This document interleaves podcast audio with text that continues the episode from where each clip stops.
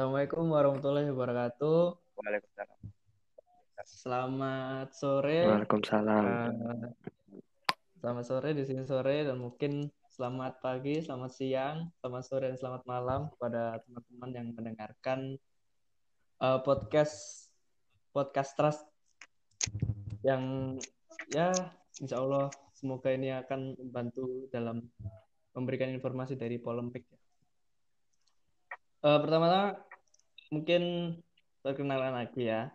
Eh, namaku Zahid selaku staf kastrat dari BEM FKUP tahun 2020. Dan di sini kita bersama Menteri Kastrat BEM FKUP yaitu Kak Anugrah Bintang dan Halo. juga dari dari Badan Pengurus Inti BEM FKUP yaitu Kak Dimas Erlangga. Oke, baik. Halo, halo. Di sini kita akan ya ngobrol-ngobrol dikit lah mengenai sesuatu yang sedang panas akhir-akhir ini, Mhm. yaitu demo mengenai Undang-Undang Cipta Kerja yang terjadi kemarin ya, yang berakhir anarkis lah dibilang ya. Oke, langsung aja ya. Eh, pertama-tama nih, aku mau nanya ke kakak-kakak, Kak Bintang sama Kak Dimas. Apa pendapat kakak-kakak mengenai demo yang telah berlangsung kemarin itu? Terserah mau siapa dulu, wes. Ke Kak Dimas dulu aja. Monggo Kak. Oke. Oke, oke. Tentang demo kemarin ya. Eh dari pandanganku yang aku lihat demo kemarin itu eh, sebuah reaksi res apa ya res- semacam reaksi responsif yang menurutku itu cukup mendadak karena pembahasannya juga mendadak dari DPR sendiri sehingga eh, lebih terlihat spontan seperti itu dari gerakan di daerah-daerah apalagi sekarang kan sedang masa pandemi dan di Jakarta juga sedang PSBB jadi memang terlokal-lokal di daerah-daerah. Nah terus tadi di awal Zahid bilang berujung anarkis. Setauku itu untuk kata anarkis itu sebenarnya kurang cocok untuk menggambarkan kerusuhan karena eh, anarkis itu dari yang pernah aku baca itu dia adalah sebuah idea ideologi lah seperti ideologi-ideologi lain bahwa eh, anarkisme itu sebenarnya ingin memerdekakan manusia bahwa setiap manusia itu setara dan tidak ada yang bisa mengekang mereka seperti itu. Jadi kalau kita katakan demo itu anarkis kurang cocok. Yang cocok itu vandal, vandalisme yang eh, menghancurkan properti-properti publik seperti itu. Oke. Gimana kalau dari Kak Bintang? Oke. Dari Kak dari aku ya, dari aku eh, saya mau memandang ini dari bentuk demonya, bukan dari yang seperti Kak Dimas dikatakan ada vandalisme ataupun dari dari yang katakan tentang anarkisme. Jadi ini kayak demo ini respon ataupun reaksi dari terutama dari buruh ya, dengan dibantu dengan para mahasiswa terhadap situasi dan juga eh, undang-undang ini kenapa kok masih diciptakan ataupun secara mendadak disahkan. Padahal kita tahu bahwa Omnibus Law ini boleh dikatakan undang-undang yang kontroversial sejak lama. Mungkin sejak 8 bulan atau 9 bulan yang lalu ketika itu ditunda pembahasannya dengan tiba-tiba disahkan pada tanggal 5 yang seharusnya rapat itu ada pada tanggal 8 Oktober. Jadi 8 Oktober itu semestinya DPR itu sudah mengumumkan bahwa akan dibahas pada tanggal 8, tiba-tiba tanggal 5 sudah disahkan secara diam-diam. Dan juga secara boleh dikatakan mendadak ya. Maka dari itu mungkin dari kalangan kami, kalangan mahasiswa itu kemarin juga kaget. Dan tiba-tiba malamnya eh, termasuk aku dari Kastrat BMFK tiba-tiba malamnya tanggal 5 itu langsung diajak konsolidasi oleh aliansi EM ya dan seluruh UB untuk melakukan uh, melakukan konsolidasi. Jadi menurut ini demo ini merupakan suatu reaksi atau respon yang cepat cepat bagi uh, DPR yang juga cepat untuk mengesahkan undang-undang sih. Uh, Oke, okay. masih Kak Bintang. Jadi ya dan mungkin sedikit teralat ya dari Kak apa Kak Dimas Satya. Jadi bukan anarkis, terakhir vandal, vandalisme yaitu perusahaan properti. Oke, kalau gitu kita bahas dulu nih masalah vandal. Kira-kira uh, mungkin ada kata-kata atau pendapat gitu Kak mengenai vandalisme di ujung ini. Apakah mungkin itu bisa menjadi eh itu menjadi suatu bentuk bentuk lanjutan dari demo yang entah mungkin ada yang bilang tidak didengarkan akhirnya berakhir vandal atau eh, gara-gara uh, atau gara-gara apa akhirnya berakhir vandal atau gimana? Iya. Uh, oke oke, okay. aku dulu ya. Oke dari awal berarti ya. Uh, Oke, okay. sebagai catatan dari aku pribadi tidak sepakat dan tidak menyetujui adanya upaya-upaya atau uh, aksi yang dilakukan uh, oknum. Bagiku itu oknum yang melakukan vandalisme ataupun perusakan properti publik. Kenapa? Karena pertama, itu punya publik, punya masyarakat sendiri gitu loh. Dibiayai oleh pajak kalau misalnya adanya perusakan-perusakan terhadap properti publik, menurutku itu sama saja merusak apa yang dipunyai oleh rakyat. Dan itu mengkhianati dari tujuan demonstrasi itu sendiri yang sebenarnya membela rakyat. Seperti itu. Bahwa adanya tindakan-tindakan seperti itu malah menjadikan asupan bagi media. Kenapa? Karena media kan pasti mencari berita yang uh, sensasiun ya tidak semua media tapi ada pasti media yang mencari berita yang uh, mudah untuk dikonsumsi oleh publik. Dan di demonstrasi biasanya yang mudah dikonsumsi publik dan ramai itu tentang perusakan-perusakan konflik-konflik di dalamnya. Padahal semestinya media itu menurutku harusnya lebih menyoroti substansi dari Misalnya bagaimana bisa demo itu terjadi. Orang-orang yang menginisiasinya atau bagaimana sebuah pergerakan itu dibentuk sehingga terlahirlah demonstrasi seperti itu dan bukannya eh, konflik-konflik pemukulan uh, uh, kebakaran-kebakaran ataupun kerusakan-kerusakan yang dilakukan seperti itu. Uh, Oke. Okay. Kalau ngomongin oknum ya, kira-kira siapa oknum ini atau apa motif oknum ini gitu loh? Kenapa dia tiba-tiba datang memprovokasi, ngelempar rusak-rusak gitu? Apa apa mungkin entah tanpa motif uh, ikut-ikutan ngancurin atau mungkin dia nyambung sama isu adanya penunggang di demo yang diadakan mahasiswa istilahnya itu. Jadi banyak yang bilang kalau demo-demo itu ditunggangi oleh kepentingan-kepentingan orang lain. Jadi ada yang menunggangi mungkin apakah itu nyambung sama adanya yang merusak atau mungkin nyambung ke kejadian lain ya, di mana ada anak STM yang ikut demo. Itu gimana okay, ya, Kak? Oke. Okay. Uh, kalau menurutku untuk demo yang kemarin ya aku lihat itu tidak ditunggangi dalam artian tidak ditunggangi kepentingan politik praktis. Seperti mungkin demo yang beberapa tahun lalu yang tentang uh, suatu pesta politik di ibu kota. Nah, kalau yang kemarin itu menurutku tidak ditunggangi suatu oknum untuk politik praktis, tapi memang lahir dari sebuah keresahan bersama di kalangan uh, akar rumput.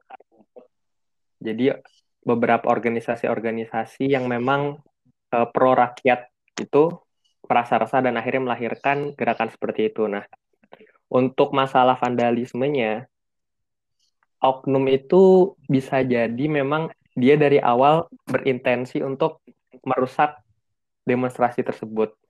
Mungkin adanya penyusup. Nah, penyusup itu apa? Aku tidak bisa apa ya tidak memiliki kompetensi untuk siapa gitu.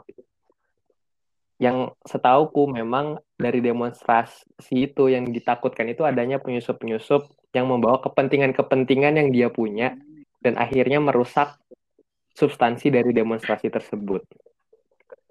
Makanya ketika demon, ketika demonstrasi selain ada koordinator juga ada koordinator masa ada koordinator lapangan juga yang memastikan bahwa ini benar-benar uh, temanku gitu loh. Jadi dia memastikan bahwa masa itu memang masa dia, bukan ad, uh, dan menjaga adanya yang masuk dan melebur ke masa dia dan memprovokasi sehingga terlahirlah uh, kekacauan seperti itu. Dan terkait anak STM itu, uh, ini kan aku dapatnya cuma dari media ya. Memang dibilang dikatakan di media itu bahwa anak ST beberapa anak ST kenapa mereka turun, kenapa ada demonstrasi, apa yang diperjuangkan, tuntutannya seperti apa. Tapi tidak semuanya seperti itu juga. Uh, beberapa di Instagram terutama ya, ada akun-akun yang memfasilitasi atau mewadahi teman-teman pelajar ya uh, pelajar di bawah mahasiswa ya maksudnya seperti SMA, SMK dan sebagainya yang memang sadar tentang uh, masalah-masalah kemanusiaan, masalah-masalah sosial, politik seperti itu. Jadi aku rasa kalau dikatakan pelajar itu tidak boleh turun ke jalan, uh, menurutku salah karena semua orang punya hak untuk berdemokrasi, punya hak untuk berpendapat, menyalurkan pendapatnya, sama halnya seperti boleh turun ke jalan dibedakan.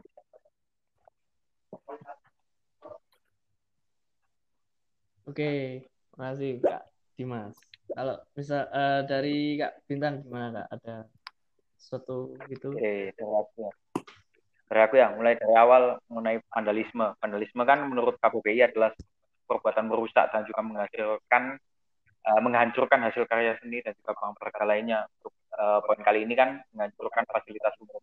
Kita semua mungkin sepakat bahwa vandalisme itu dilarang ataupun kita juga tidak setuju adanya kegiatan vandalisme dalam demo ya ataupun unjuk rasa ataupun penyampaian pendapat apa pun. Tapi yang aku ingin soroti adalah dari dari sudut pandang saya ya, mengapa vandalisme ini ada?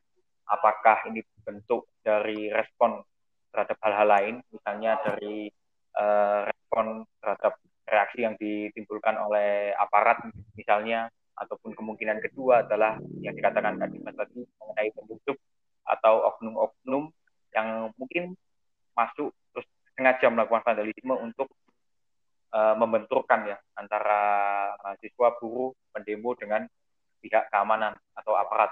Dalam hal ini adalah polisi. Nah, untuk uh, untuk motifnya sendiri, kalau menurutku sih kita semua nggak tahu ya kenapa vandalisme itu vandalisme itu tiba-tiba ada. Karena kita kan juga nggak turun ke jalan kita hanya melihat berita-berita kalau menurutku secara logika demo dan juga unjuk rasa itu poin penting yang harus disampaikan adalah mengenai poin yang ingin disampaikan ataupun tuntutannya bukan vandalismenya. Kalaupun vandalisme itu ada mungkin ada hal-hal lain yang harus kita perhatikan di sudut pandang yang berbeda. Kayak, kayak gitu sih kalau menurutku. Jadi kalau yang aku yakini ya saat ini adalah ada upaya untuk mengkambing hitamkan uh, mahasiswa ataupun pendemo kemarin sehingga mahasiswa ataupun pendemo ini dikambing hitamkan kayak disalah-salahkan gitu. Kenapa sih kok demo tapi merusak? Kayak gitu gitu kalau aku sampai saat ini masih keyakinan kayak gitu itu sih menurutku.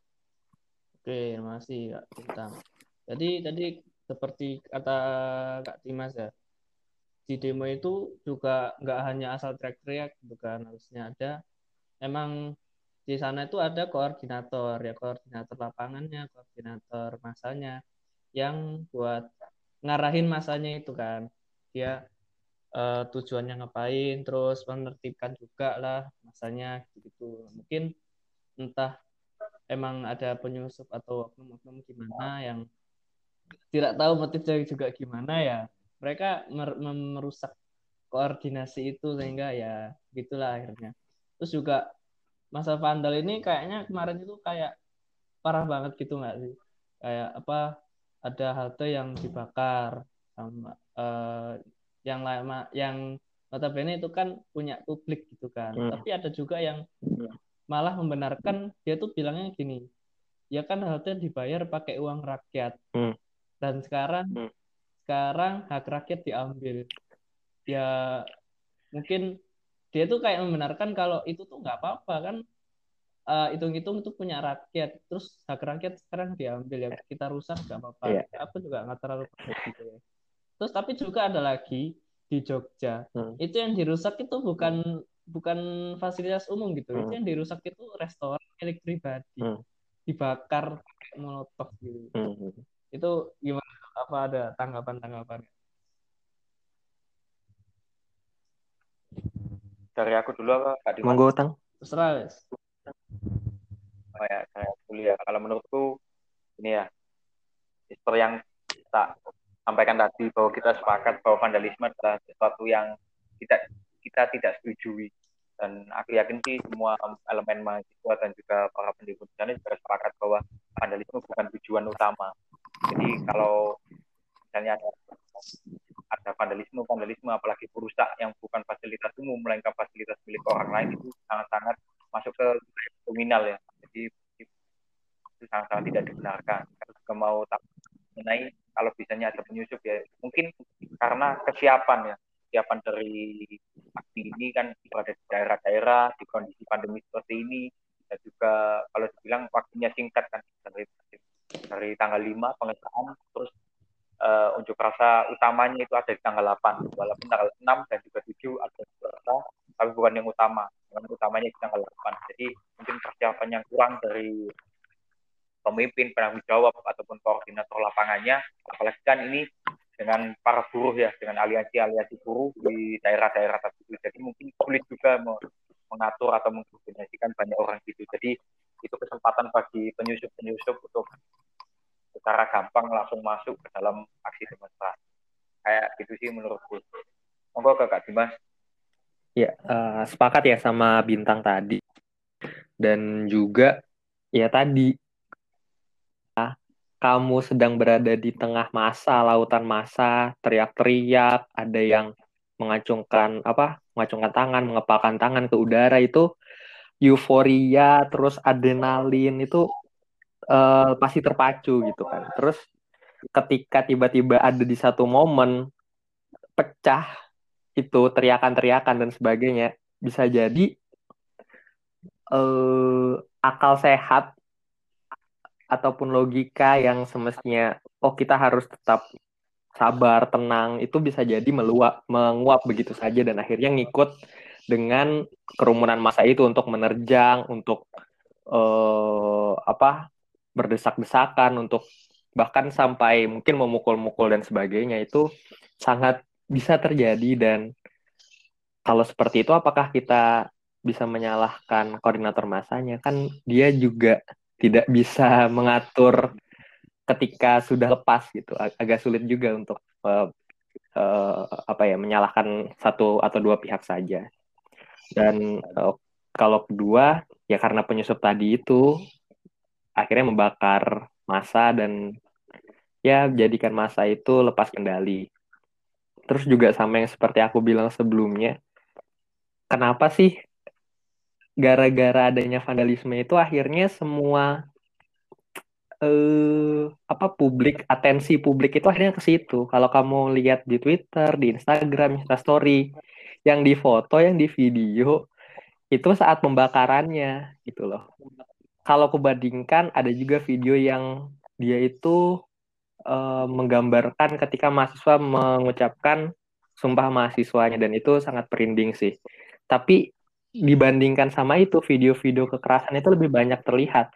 Itu dan akhirnya kalau mau di framing untuk mengatakan bahwa demonstrasi itu untuk apa, toh akhir-akhirnya menjadi kekerasan juga itu berhasil gara-gara hal itu gitu loh. Dan menurutku itu amat disayangkan harus terjadi dan akhirnya kita melupakan bahwa sebenarnya yang salah itu bukan demonstrannya gitu loh. Demonstran ada karena ada satu akar masalah yaitu pengesahan RUU itu gitu. Publik lupa akan hal itu karena vandalisme yang dilakukan. Ya, kayak yang itu ya yang tak bilang tadi bahwa upaya vandalisme ini ada kayak upaya mengkam, mengkambing hitamkan salah Ya, satu ya. ya. Ya, yang Kak Dimas tadi kan ada framing kan, ada framing. bisa, Ada bisa. framing. Dengan tujuan pokoknya kan pembahasan RUU tiba-tiba vandalisme semua. ya nggak tahu juga sih. Akhirnya akhirnya lupa kan. Toh RUU-nya kemarin itu apa? Yang aku ingat cuman si A ini ngerusak mobil gitu. Iya. Sayang sekali. iya ya bisa dia bisa jadi pengalian isu ya Mm, Iya. malah ngebahas tentang Iya. vandalisme bukan ke Bisa jadi kemungkinan. inti demo Bisa jadi kemungkinan. iya iya. Bukan satu. kita hanya bisa merekarkan Soalnya apa ya? Mungkin anggapan orang Indonesia itu lebih suka rusuh. Itu termindset di publik akhirnya wah ini rusuh nih langsung eh, kita atensi kita ke situ semua terus traffic di media sosial akhirnya naik. Ya yang muncul yang itu-itu terus gitu. Eh, kalau ngomongin rusuh juga nih itu kan juga jadi ngaruh sama ke tindakan oleh aparat.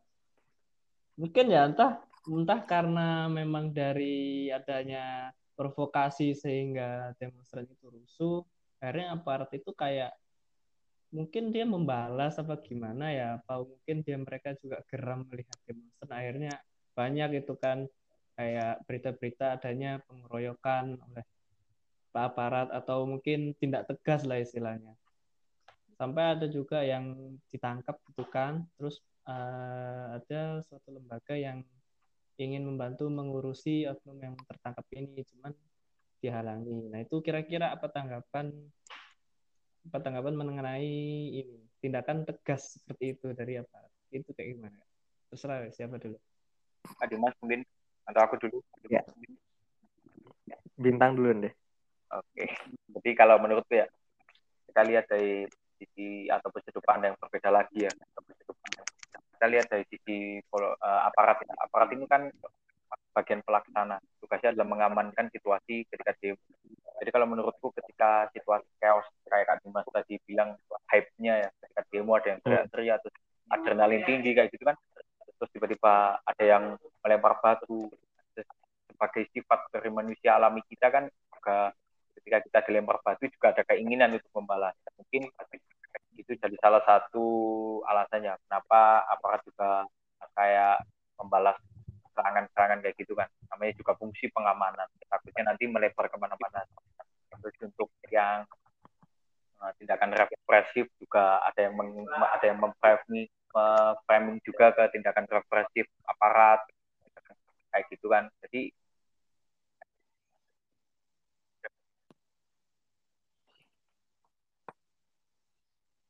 halo Pak Bintang Loh, halo putus apa dia masih connected sih di sini.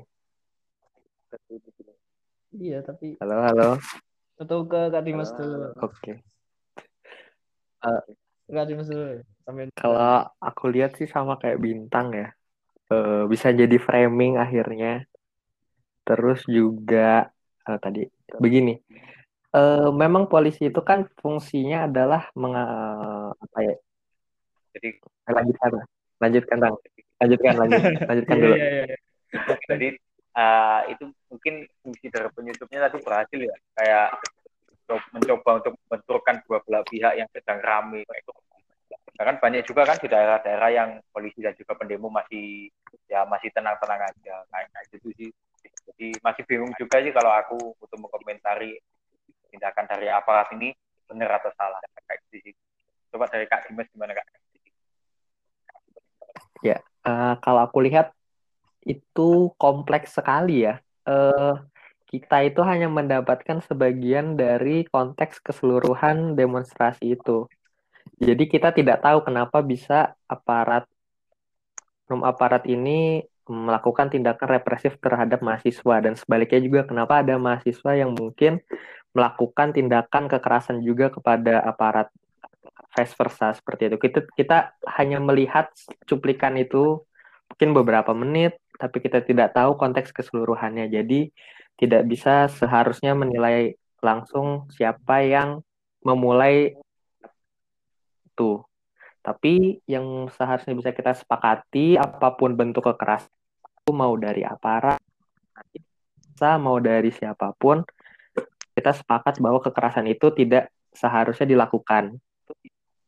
Nah, ter untuk aparat, memang eh, apa ya ada semacam pandangan bahwa beberapa orang menganggap bahwa ya, aparat itu karena dia secara struktur lebih tinggi daripada masa demo ya karena mereka memiliki uh, sumber daya peralatan yang lebih bagus daripada uh, orang-orang yang ikut demo maka bisa jadi mereka melakukan lebih beresiko melakukan penyalahgunaan alat-alat tersebut seperti peluru karet, terus juga gas air mata, water cannon dan sebagainya. Jadi ya tidak salah juga ada yang mengatakan bahwa eh, aparat itu lebih cenderung melakukan represivitas daripada kawan-kawan pendemo seperti itu dan aku tidak setuju juga terhadap represifnya aparat kayak gitu. Terus juga begini itu mengadu apa ya? Kita seolah mengadu ya antara masa demo dan aparat. Aparat itu kan mereka punya pelatihan khusus dan memang uh, diturunkan ketika ada hal-hal seperti ini dan sehingga uh, pasti mereka punya latihan dong latihan untuk menangani masa latihan untuk menangani chaos dan sebagainya tapi apakah pernah mahasiswa dilatih untuk berdemo terus dilatih bukan cuma berdemonya tapi ketika ada chaos pernahkah mahasiswa itu dilatih? Kan nggak ada gitu loh. Jadi lucu juga untuk apa ya istilahnya ya kita tidak dibekali kemampuan untuk bertempur melawan aparat gitu loh. Dan memang seharusnya tidak dibekali gitu tapi ini di lapangan terjadi gitu loh. Menurutku itu sebuah analogi yang lucu banyak aparat juga punya wewenang kan ketika ada situasi seperti itu. Kan mahasiswa nah, iya. punya wewenang sekali. Kayak gitu sih. Iya. Hmm. Kalau aku sih lebih ini ya lebih lebih suka sama pendapatnya bintang nanti yang ini tuh kayaknya ulah dari oknum itu ya. Dia seakan-akan jadi mengadu domba antara demonstrasinya sama uh, aparatnya gitu kan. Dia memprovokasi demonstrasinya sehingga menyerang aparat dan aparatnya pun ya wajar lah ya dia diserang yeah. naik darah juga kan. Akhirnya ya gitu akhirnya bentrok. Mungkin itu entah menjadi suatu kesuksesan bagi oknum tersebut atau gimana nggak tahu ya. Ya ambil pelajaran aja buat tetap tenang. Ingat tujuan awal ya kalau game itu mungkin juga ya kan di aparat itu mereka melaksanakan ya. perintah ya. gitu kan. Aparat di lapangan sudah pelaksana kan? Okay, sebagai pelaksana. Ya benar. Bahkan ada satu video itu aku lihat ada aparat yang dia itu sampai buka tameng gitu kan ngomong ke mahasiswanya. Kita juga rakyat mah apa uh, apa kita sama-sama rakyat di sini saya melaksanakan ya. perintah dan lain-lain gitulah. Jadi ya sebenarnya mungkin ini menjadi suatu adu domba ya bukan masalah adanya ya itu tadi kita kita tidak mengetahui ya. konteks keseluruhannya gitu loh. Jadi antara satu video dan video lain itu kita tidak tahu apakah itu saling terkait ataukah itu uh, kondisi yang berbeda gitu loh. Tadi kan kamu bilang ada personel aparat yang mengatakan bahwa dia juga rakyat gitu loh. Itu kan konteks bagus ya. Berarti kan sebenarnya memang ada suatu hal yang lain gitu loh. Nggak semua aparat itu jahat gitu. Itu tapi yang ditonjolkan juga beberapa jahat. Di media-media juga itu kan hanya di daerah-daerah tertentu yang chaos, sedangkan daerah-daerah lain yang nggak chaos, nggak ada beritanya kan. Nah, iya. Kita, secara nggak langsung kita meng mengeneralisasikan oknum itu seperti itu, aparat itu seperti itu. Kayak kayak gitu sih. Keberhasilan antara penyusup dan juga media sih kalau menurut. Mm, benar-benar. Iya. Jadi menimbulkan stigma Ya, yang berbeda Iya, ya, jadi ada baik stigma. itu ke demonstrasinya maupun ke aparatnya. Oke, itulah hiruk pikuk. Oke, kalau gitu kita masuk ke ini ya. Inti dari tujuan demo yaitu Undang-Undang Cipta Kerja. Banyak yang bilang kalau demons- demonstrasi ini dilatar belakangi oleh adanya disinformasi mengenai persepsi undang-undang.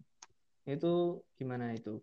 Kan banyak yang bilang UMR dihapus, ada yang kerja kontrak tidak ada batasan, outsourcing dan membahayakan lingkungan dan lain-lain. Tapi ada juga yang bilang yang kebanyakan ini dari informasi-informasi ini ya dari pemerintahan ya. Banyak yang bilang kalau itu itu disinformasi. Itu gimana itu? Kak Gimana? Dimas, Kak Bintang Kak Dimas. Kak Dimas? Hmm, ya terkait disinformasi ya itu eh, apa ya topik yang sangat hangat gitu loh akhir-akhir tahun ini hoax dan sebagainya dan kita seolah tidak tahu ini mana yang benar mana yang salah tapi karena pemerintah itu punya wewenang dia yang dia yang pemilik informasi dia yang bisa menyatakan bahwa oh ini yang hoax ini yang salah kayak gitu kedua aku menyayangkan Oke, mungkin memang terjadi disinformasi.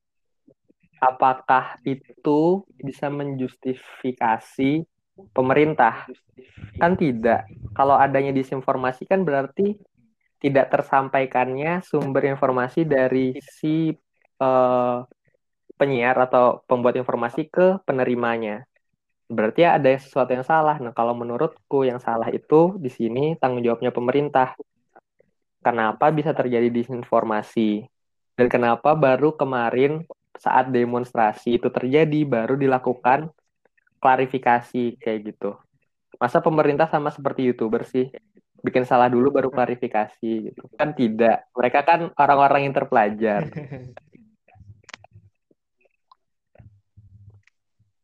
Kayak gitu. benar-benar. Oke. Oh, kalau aku ya, kalau aku ketika Kak Dimas ataupun saya tadi bilang misinformasi ya, disinformasi. Berarti itu salah satu bentuk kegagalan yang total dari pemerintah dan juga pihak legislasi. Kenapa? Lawang masih ada disinformasi, masih ada, masih belum klop kan antara pembuat undang-undang dan juga yang menjalankan undang-undang. Itu masih dipaksakan untuk uh, disahkan undang-undang ini.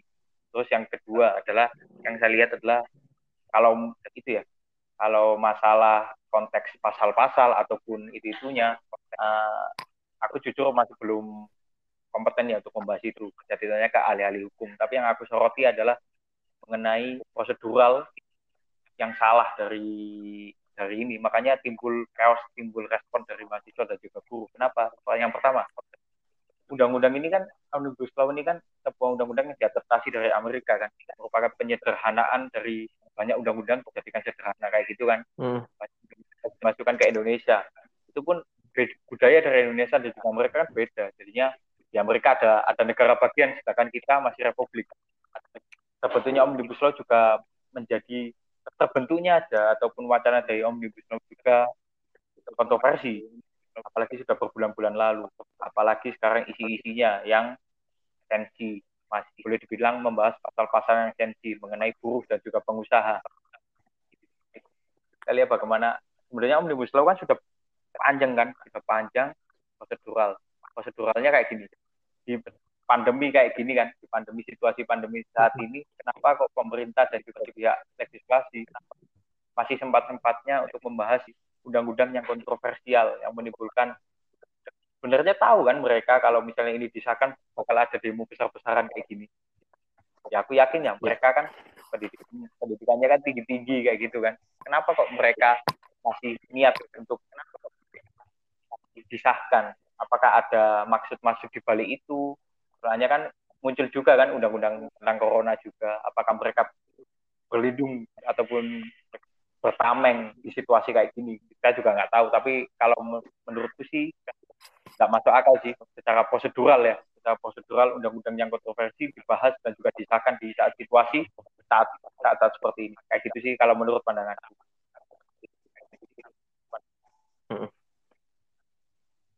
hmm. Uh, jadi mungkin ini lebih ke entah prosedurnya ya kayak apakah ini memang adanya disinformasi atau memang adanya uh, pasal yang merugikan lah istilahnya tapi tidak entah tidak diakui atau bagaimana ya. Tapi seenggaknya kalau misalnya memang mau disahkan dan pasti mereka menyadari lah ya dari awal kalau adanya sesuatu yang kontroversial gitu kan. Mengapa bukannya melakukan persamaan persepsi gitu kan? Malah keburu-buru oh, disahin der gitu. Ntar udah udah chaos banyak baru nanti klarifikasi yang ya akhirnya tidak diterima kan oleh masyarakat. Aku uh, lihat di YouTube kemarin uh, itu upload kemarin ya. Pokoknya aku lihat hari ini tuh Oh ya, kemarin ada pernyataan dari Presiden mengenai uh, undang-undang bahwa memang ada disinformasi dan lain-lain. Dan mengapa semua itu itu dilakukan setelah ya. chaos gitu kan? Akhirnya ya. uh, mungkin itu eh akhirnya masyarakat itu agak susah menerima gara-gara mereka sudah uh, geram lah istilahnya. Mereka sudah geram terus dibilang kayak gitu ya kan mungkin uh, presentasi penerimaan masyarakat jadi berkurang akhirnya agak susah gitu. Kalau misalnya mungkin dilakukan sebelum pengesahan gitu. Jadi dilakukan nama yang seperti persamaan persepsi bahwa undang-undang kayak gini gini disampaikan ke publik. Ya setelah mereka yakin bahwa sudah ini baru disahin gitu kan. Kalau misalnya memang undang-undang ini uh, uh, apa menguntungkan bagi ya, masyarakat. Ya seperti ya, tadi kata Kak Dimas, Kak Bintang bahwa ini lebih ke kesalahan di prosedural dalam pengesahan. Uh, kemarin juga di itu ya di salah satu talk show di salah satu talk show yang bahwa acaranya Najwa Shihab itu juga kan mengundang dari pihak DPR. Nah, di pihak DPR ini mengatakan bahwa mereka telah melakukan uh, itu ya kayak pendapat, hilang pendapat dengan pengusaha dan juga dengan pihak buruh.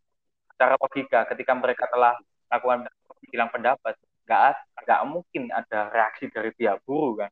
Ataukah pihak pihak dewan ini hanya melakukan bilang pendapat dengan pengusaha tanpa mengajak pihak buruh juga aku juga nggak tahu ya. Tapi secara logika saja kayak kayak gitu sih. Terus juga dari pemerintah dari presiden kita malah menantang balik rakyat. Kalau misalnya menurut rakyat cacat hukum silakan dibawa ke MK. Ini merupakan salah satu bentuk komunikasi yang menurutku sangat-sangat gimana ya? Kayak menantang balik gak sih kayak gitu. Ah. Jadi monggo-monggo Kak. Terkait upaya pemerintah ya. Aku juga baru ingat ini sebenarnya pemerintah sudah bekerja tapi tidak dengan tangan mereka, dengan tangan orang lain.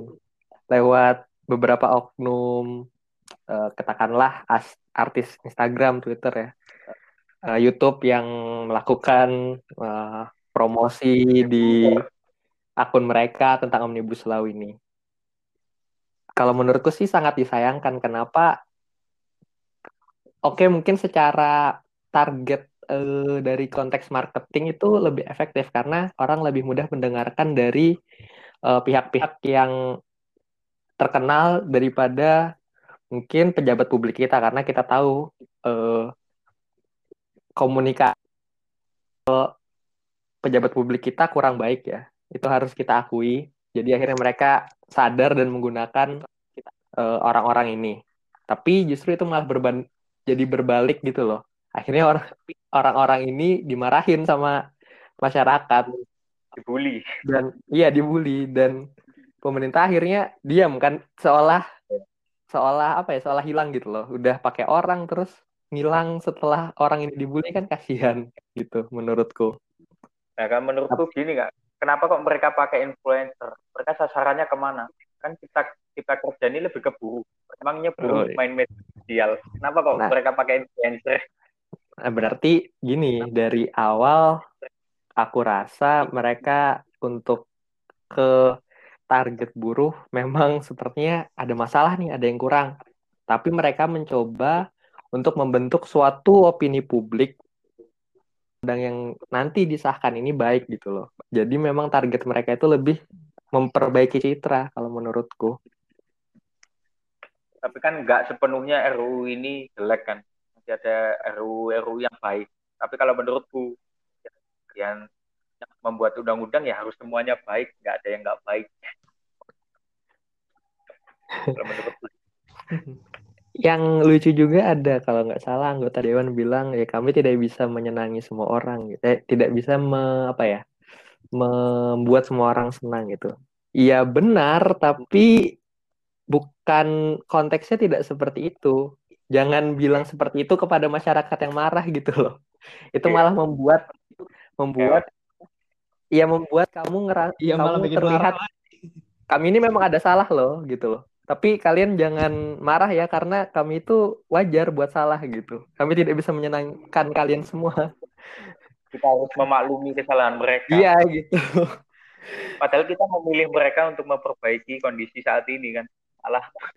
Ke yang kedua juga ada yang pernah bilang ya kalau uh, kalau kalian marah nanti orang-orang yang bikin undang-undang ini jangan kalian pilih lagi gitu loh. Itu bagiku kayak hah apa maksud maksud anda apa ngomong seperti itu? Kan sudah terjadi. Undang-undangnya juga sudah pernah. Iya, undangnya sudah terjadi uh, ya, pemilihan kayak... umumnya kapan?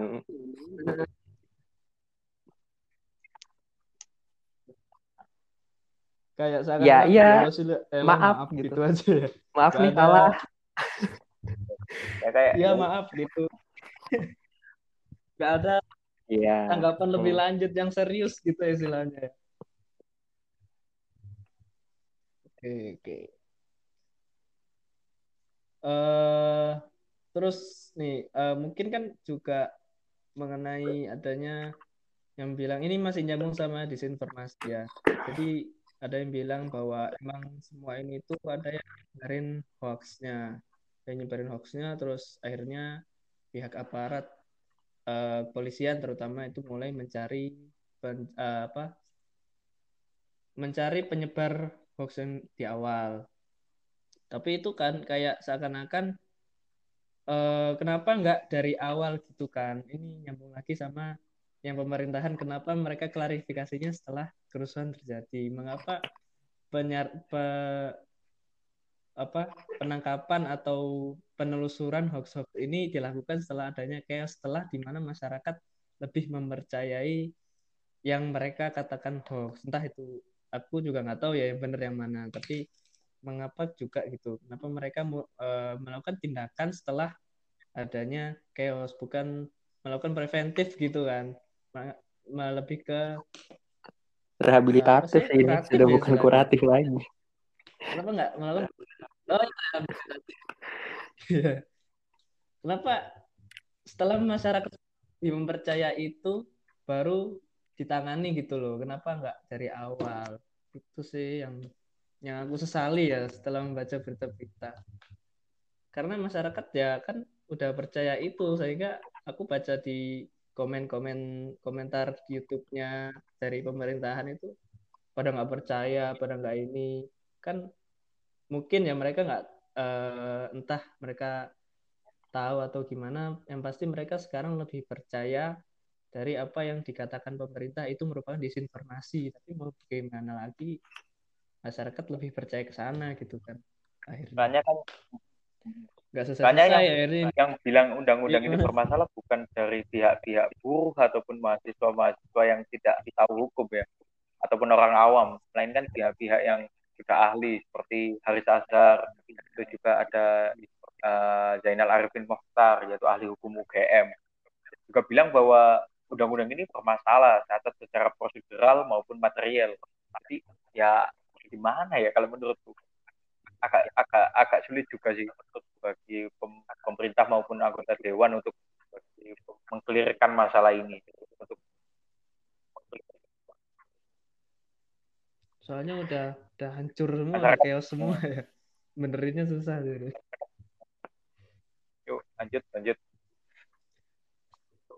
lanjut uh, mungkin nih um, terakhir aja sih ini uh, apa pandangan pandangan pribadi aja ya membahas UU Ciptaker ini. Pandangan pribadi Kak Dimas, Kak Binta mengenai UU Ciptaker ini kayak gimana? Soalnya itu aja. Mulai dari Kak Bintang dulu. Kalau dari aku ya kalau dari tetap dari awal ya sikapku masih menolak uh, omnibus law ini undang-undang cipta kerja ini jadi bagi pemerintah maupun pihak legislasi mungkin bisa meninjau ulang ataupun melakukan koordinasi lagi dengan pihak-pihak terkait, terutama pihak pengusaha dan juga buruh, karena undang-undang itu diciptakan untuk uh, menjamin kenyamanan juga keamanan juga ya dari kedua belah pihak. Jangan sampai hanya satu pihak saja yang diuntungkan, sedangkan satu pihak lain merasa tidak diuntungkan. Dan itu saya juga. Jadi dan juga kedua adalah komunikasi dari anggota-anggota yang terhormat sana, dari pihak-pihak pemerintah juga untuk lebih lebih ditata lagi, lebih melakukan komunikasi yang lebih menenangkan, jangan sampai memprovokasi kayak gitu sih kalau menurut dari Kak uh, untuk RUU Cipta Kerja ataupun secara keseluruhan Omnibus Law, aku tidak sepakat juga. Tapi buk bukan secara khusus kepada substansi dari isi-isi pasalnya, karena aku tidak punya kompetensi untuk menyatakan itu salah atau benar, tapi aku lebih menyoroti kepada aspek dari prosedur mulai dari perancangannya, dari sidang-sidangnya dan segala aspek yang melingkupi bagaimana ia disalurkan kepada disalurkan informasi kepada masyarakat. Karena tersebut dan sangat abu-abu gitu loh, sangat uh, ada seperti ada sesuatu yang ditutup-tutupi. Aku tidak sepakatnya kepada itu. Kenapa tidak transparan saja? Kalau memang pemerintah merasa benar, ya monggo transparan gitu loh. Tidak usah ada yang ditutup-tutupi, tidak ada yang seolah-olah dikerjakan ketika rakyat tertidur seperti itu.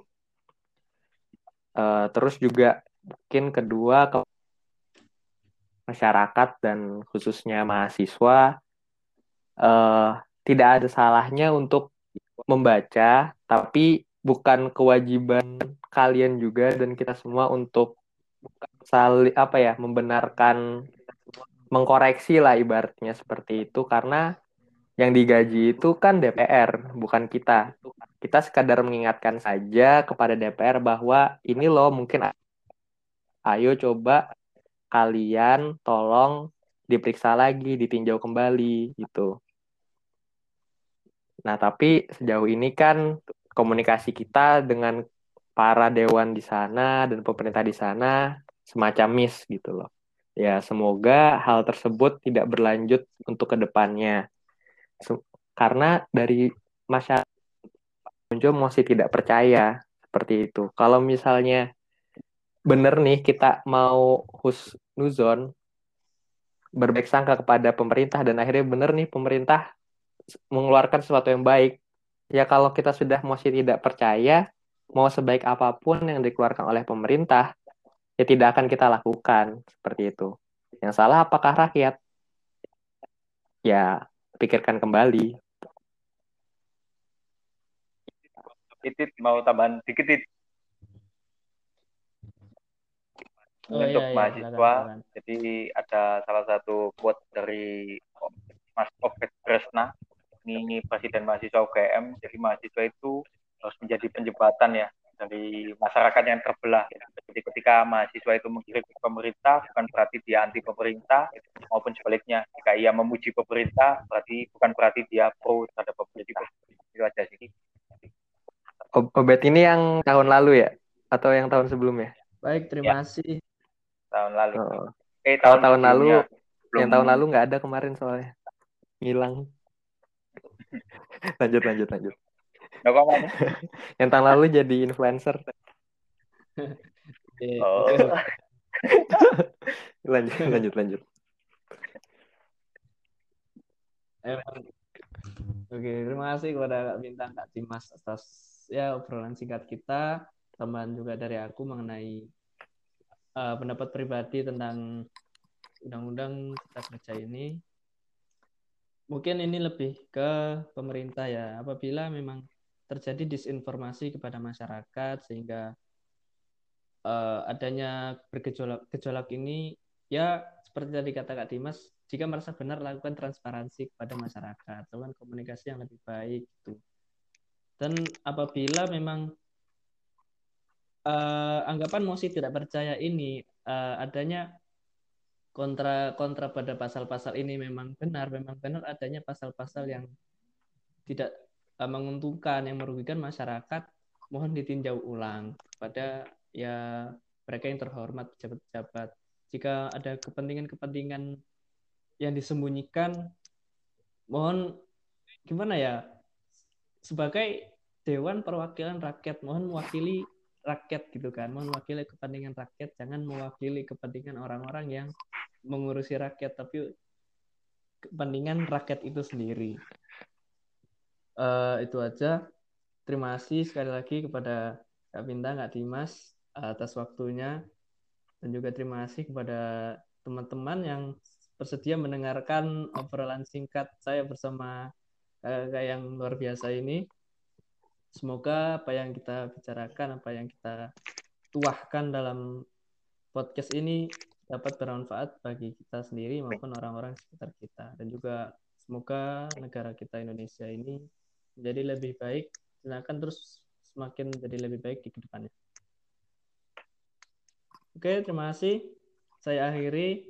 Assalamualaikum warahmatullahi wabarakatuh. Selamat ya. malam, selamat pagi, eh kembali ya. Jadi sore. Selamat pagi ya, selamat sore dan selamat malam. Oke, terima kasih semua. Ya, terima kasih. Kan, ya, terima kasih. Thank you.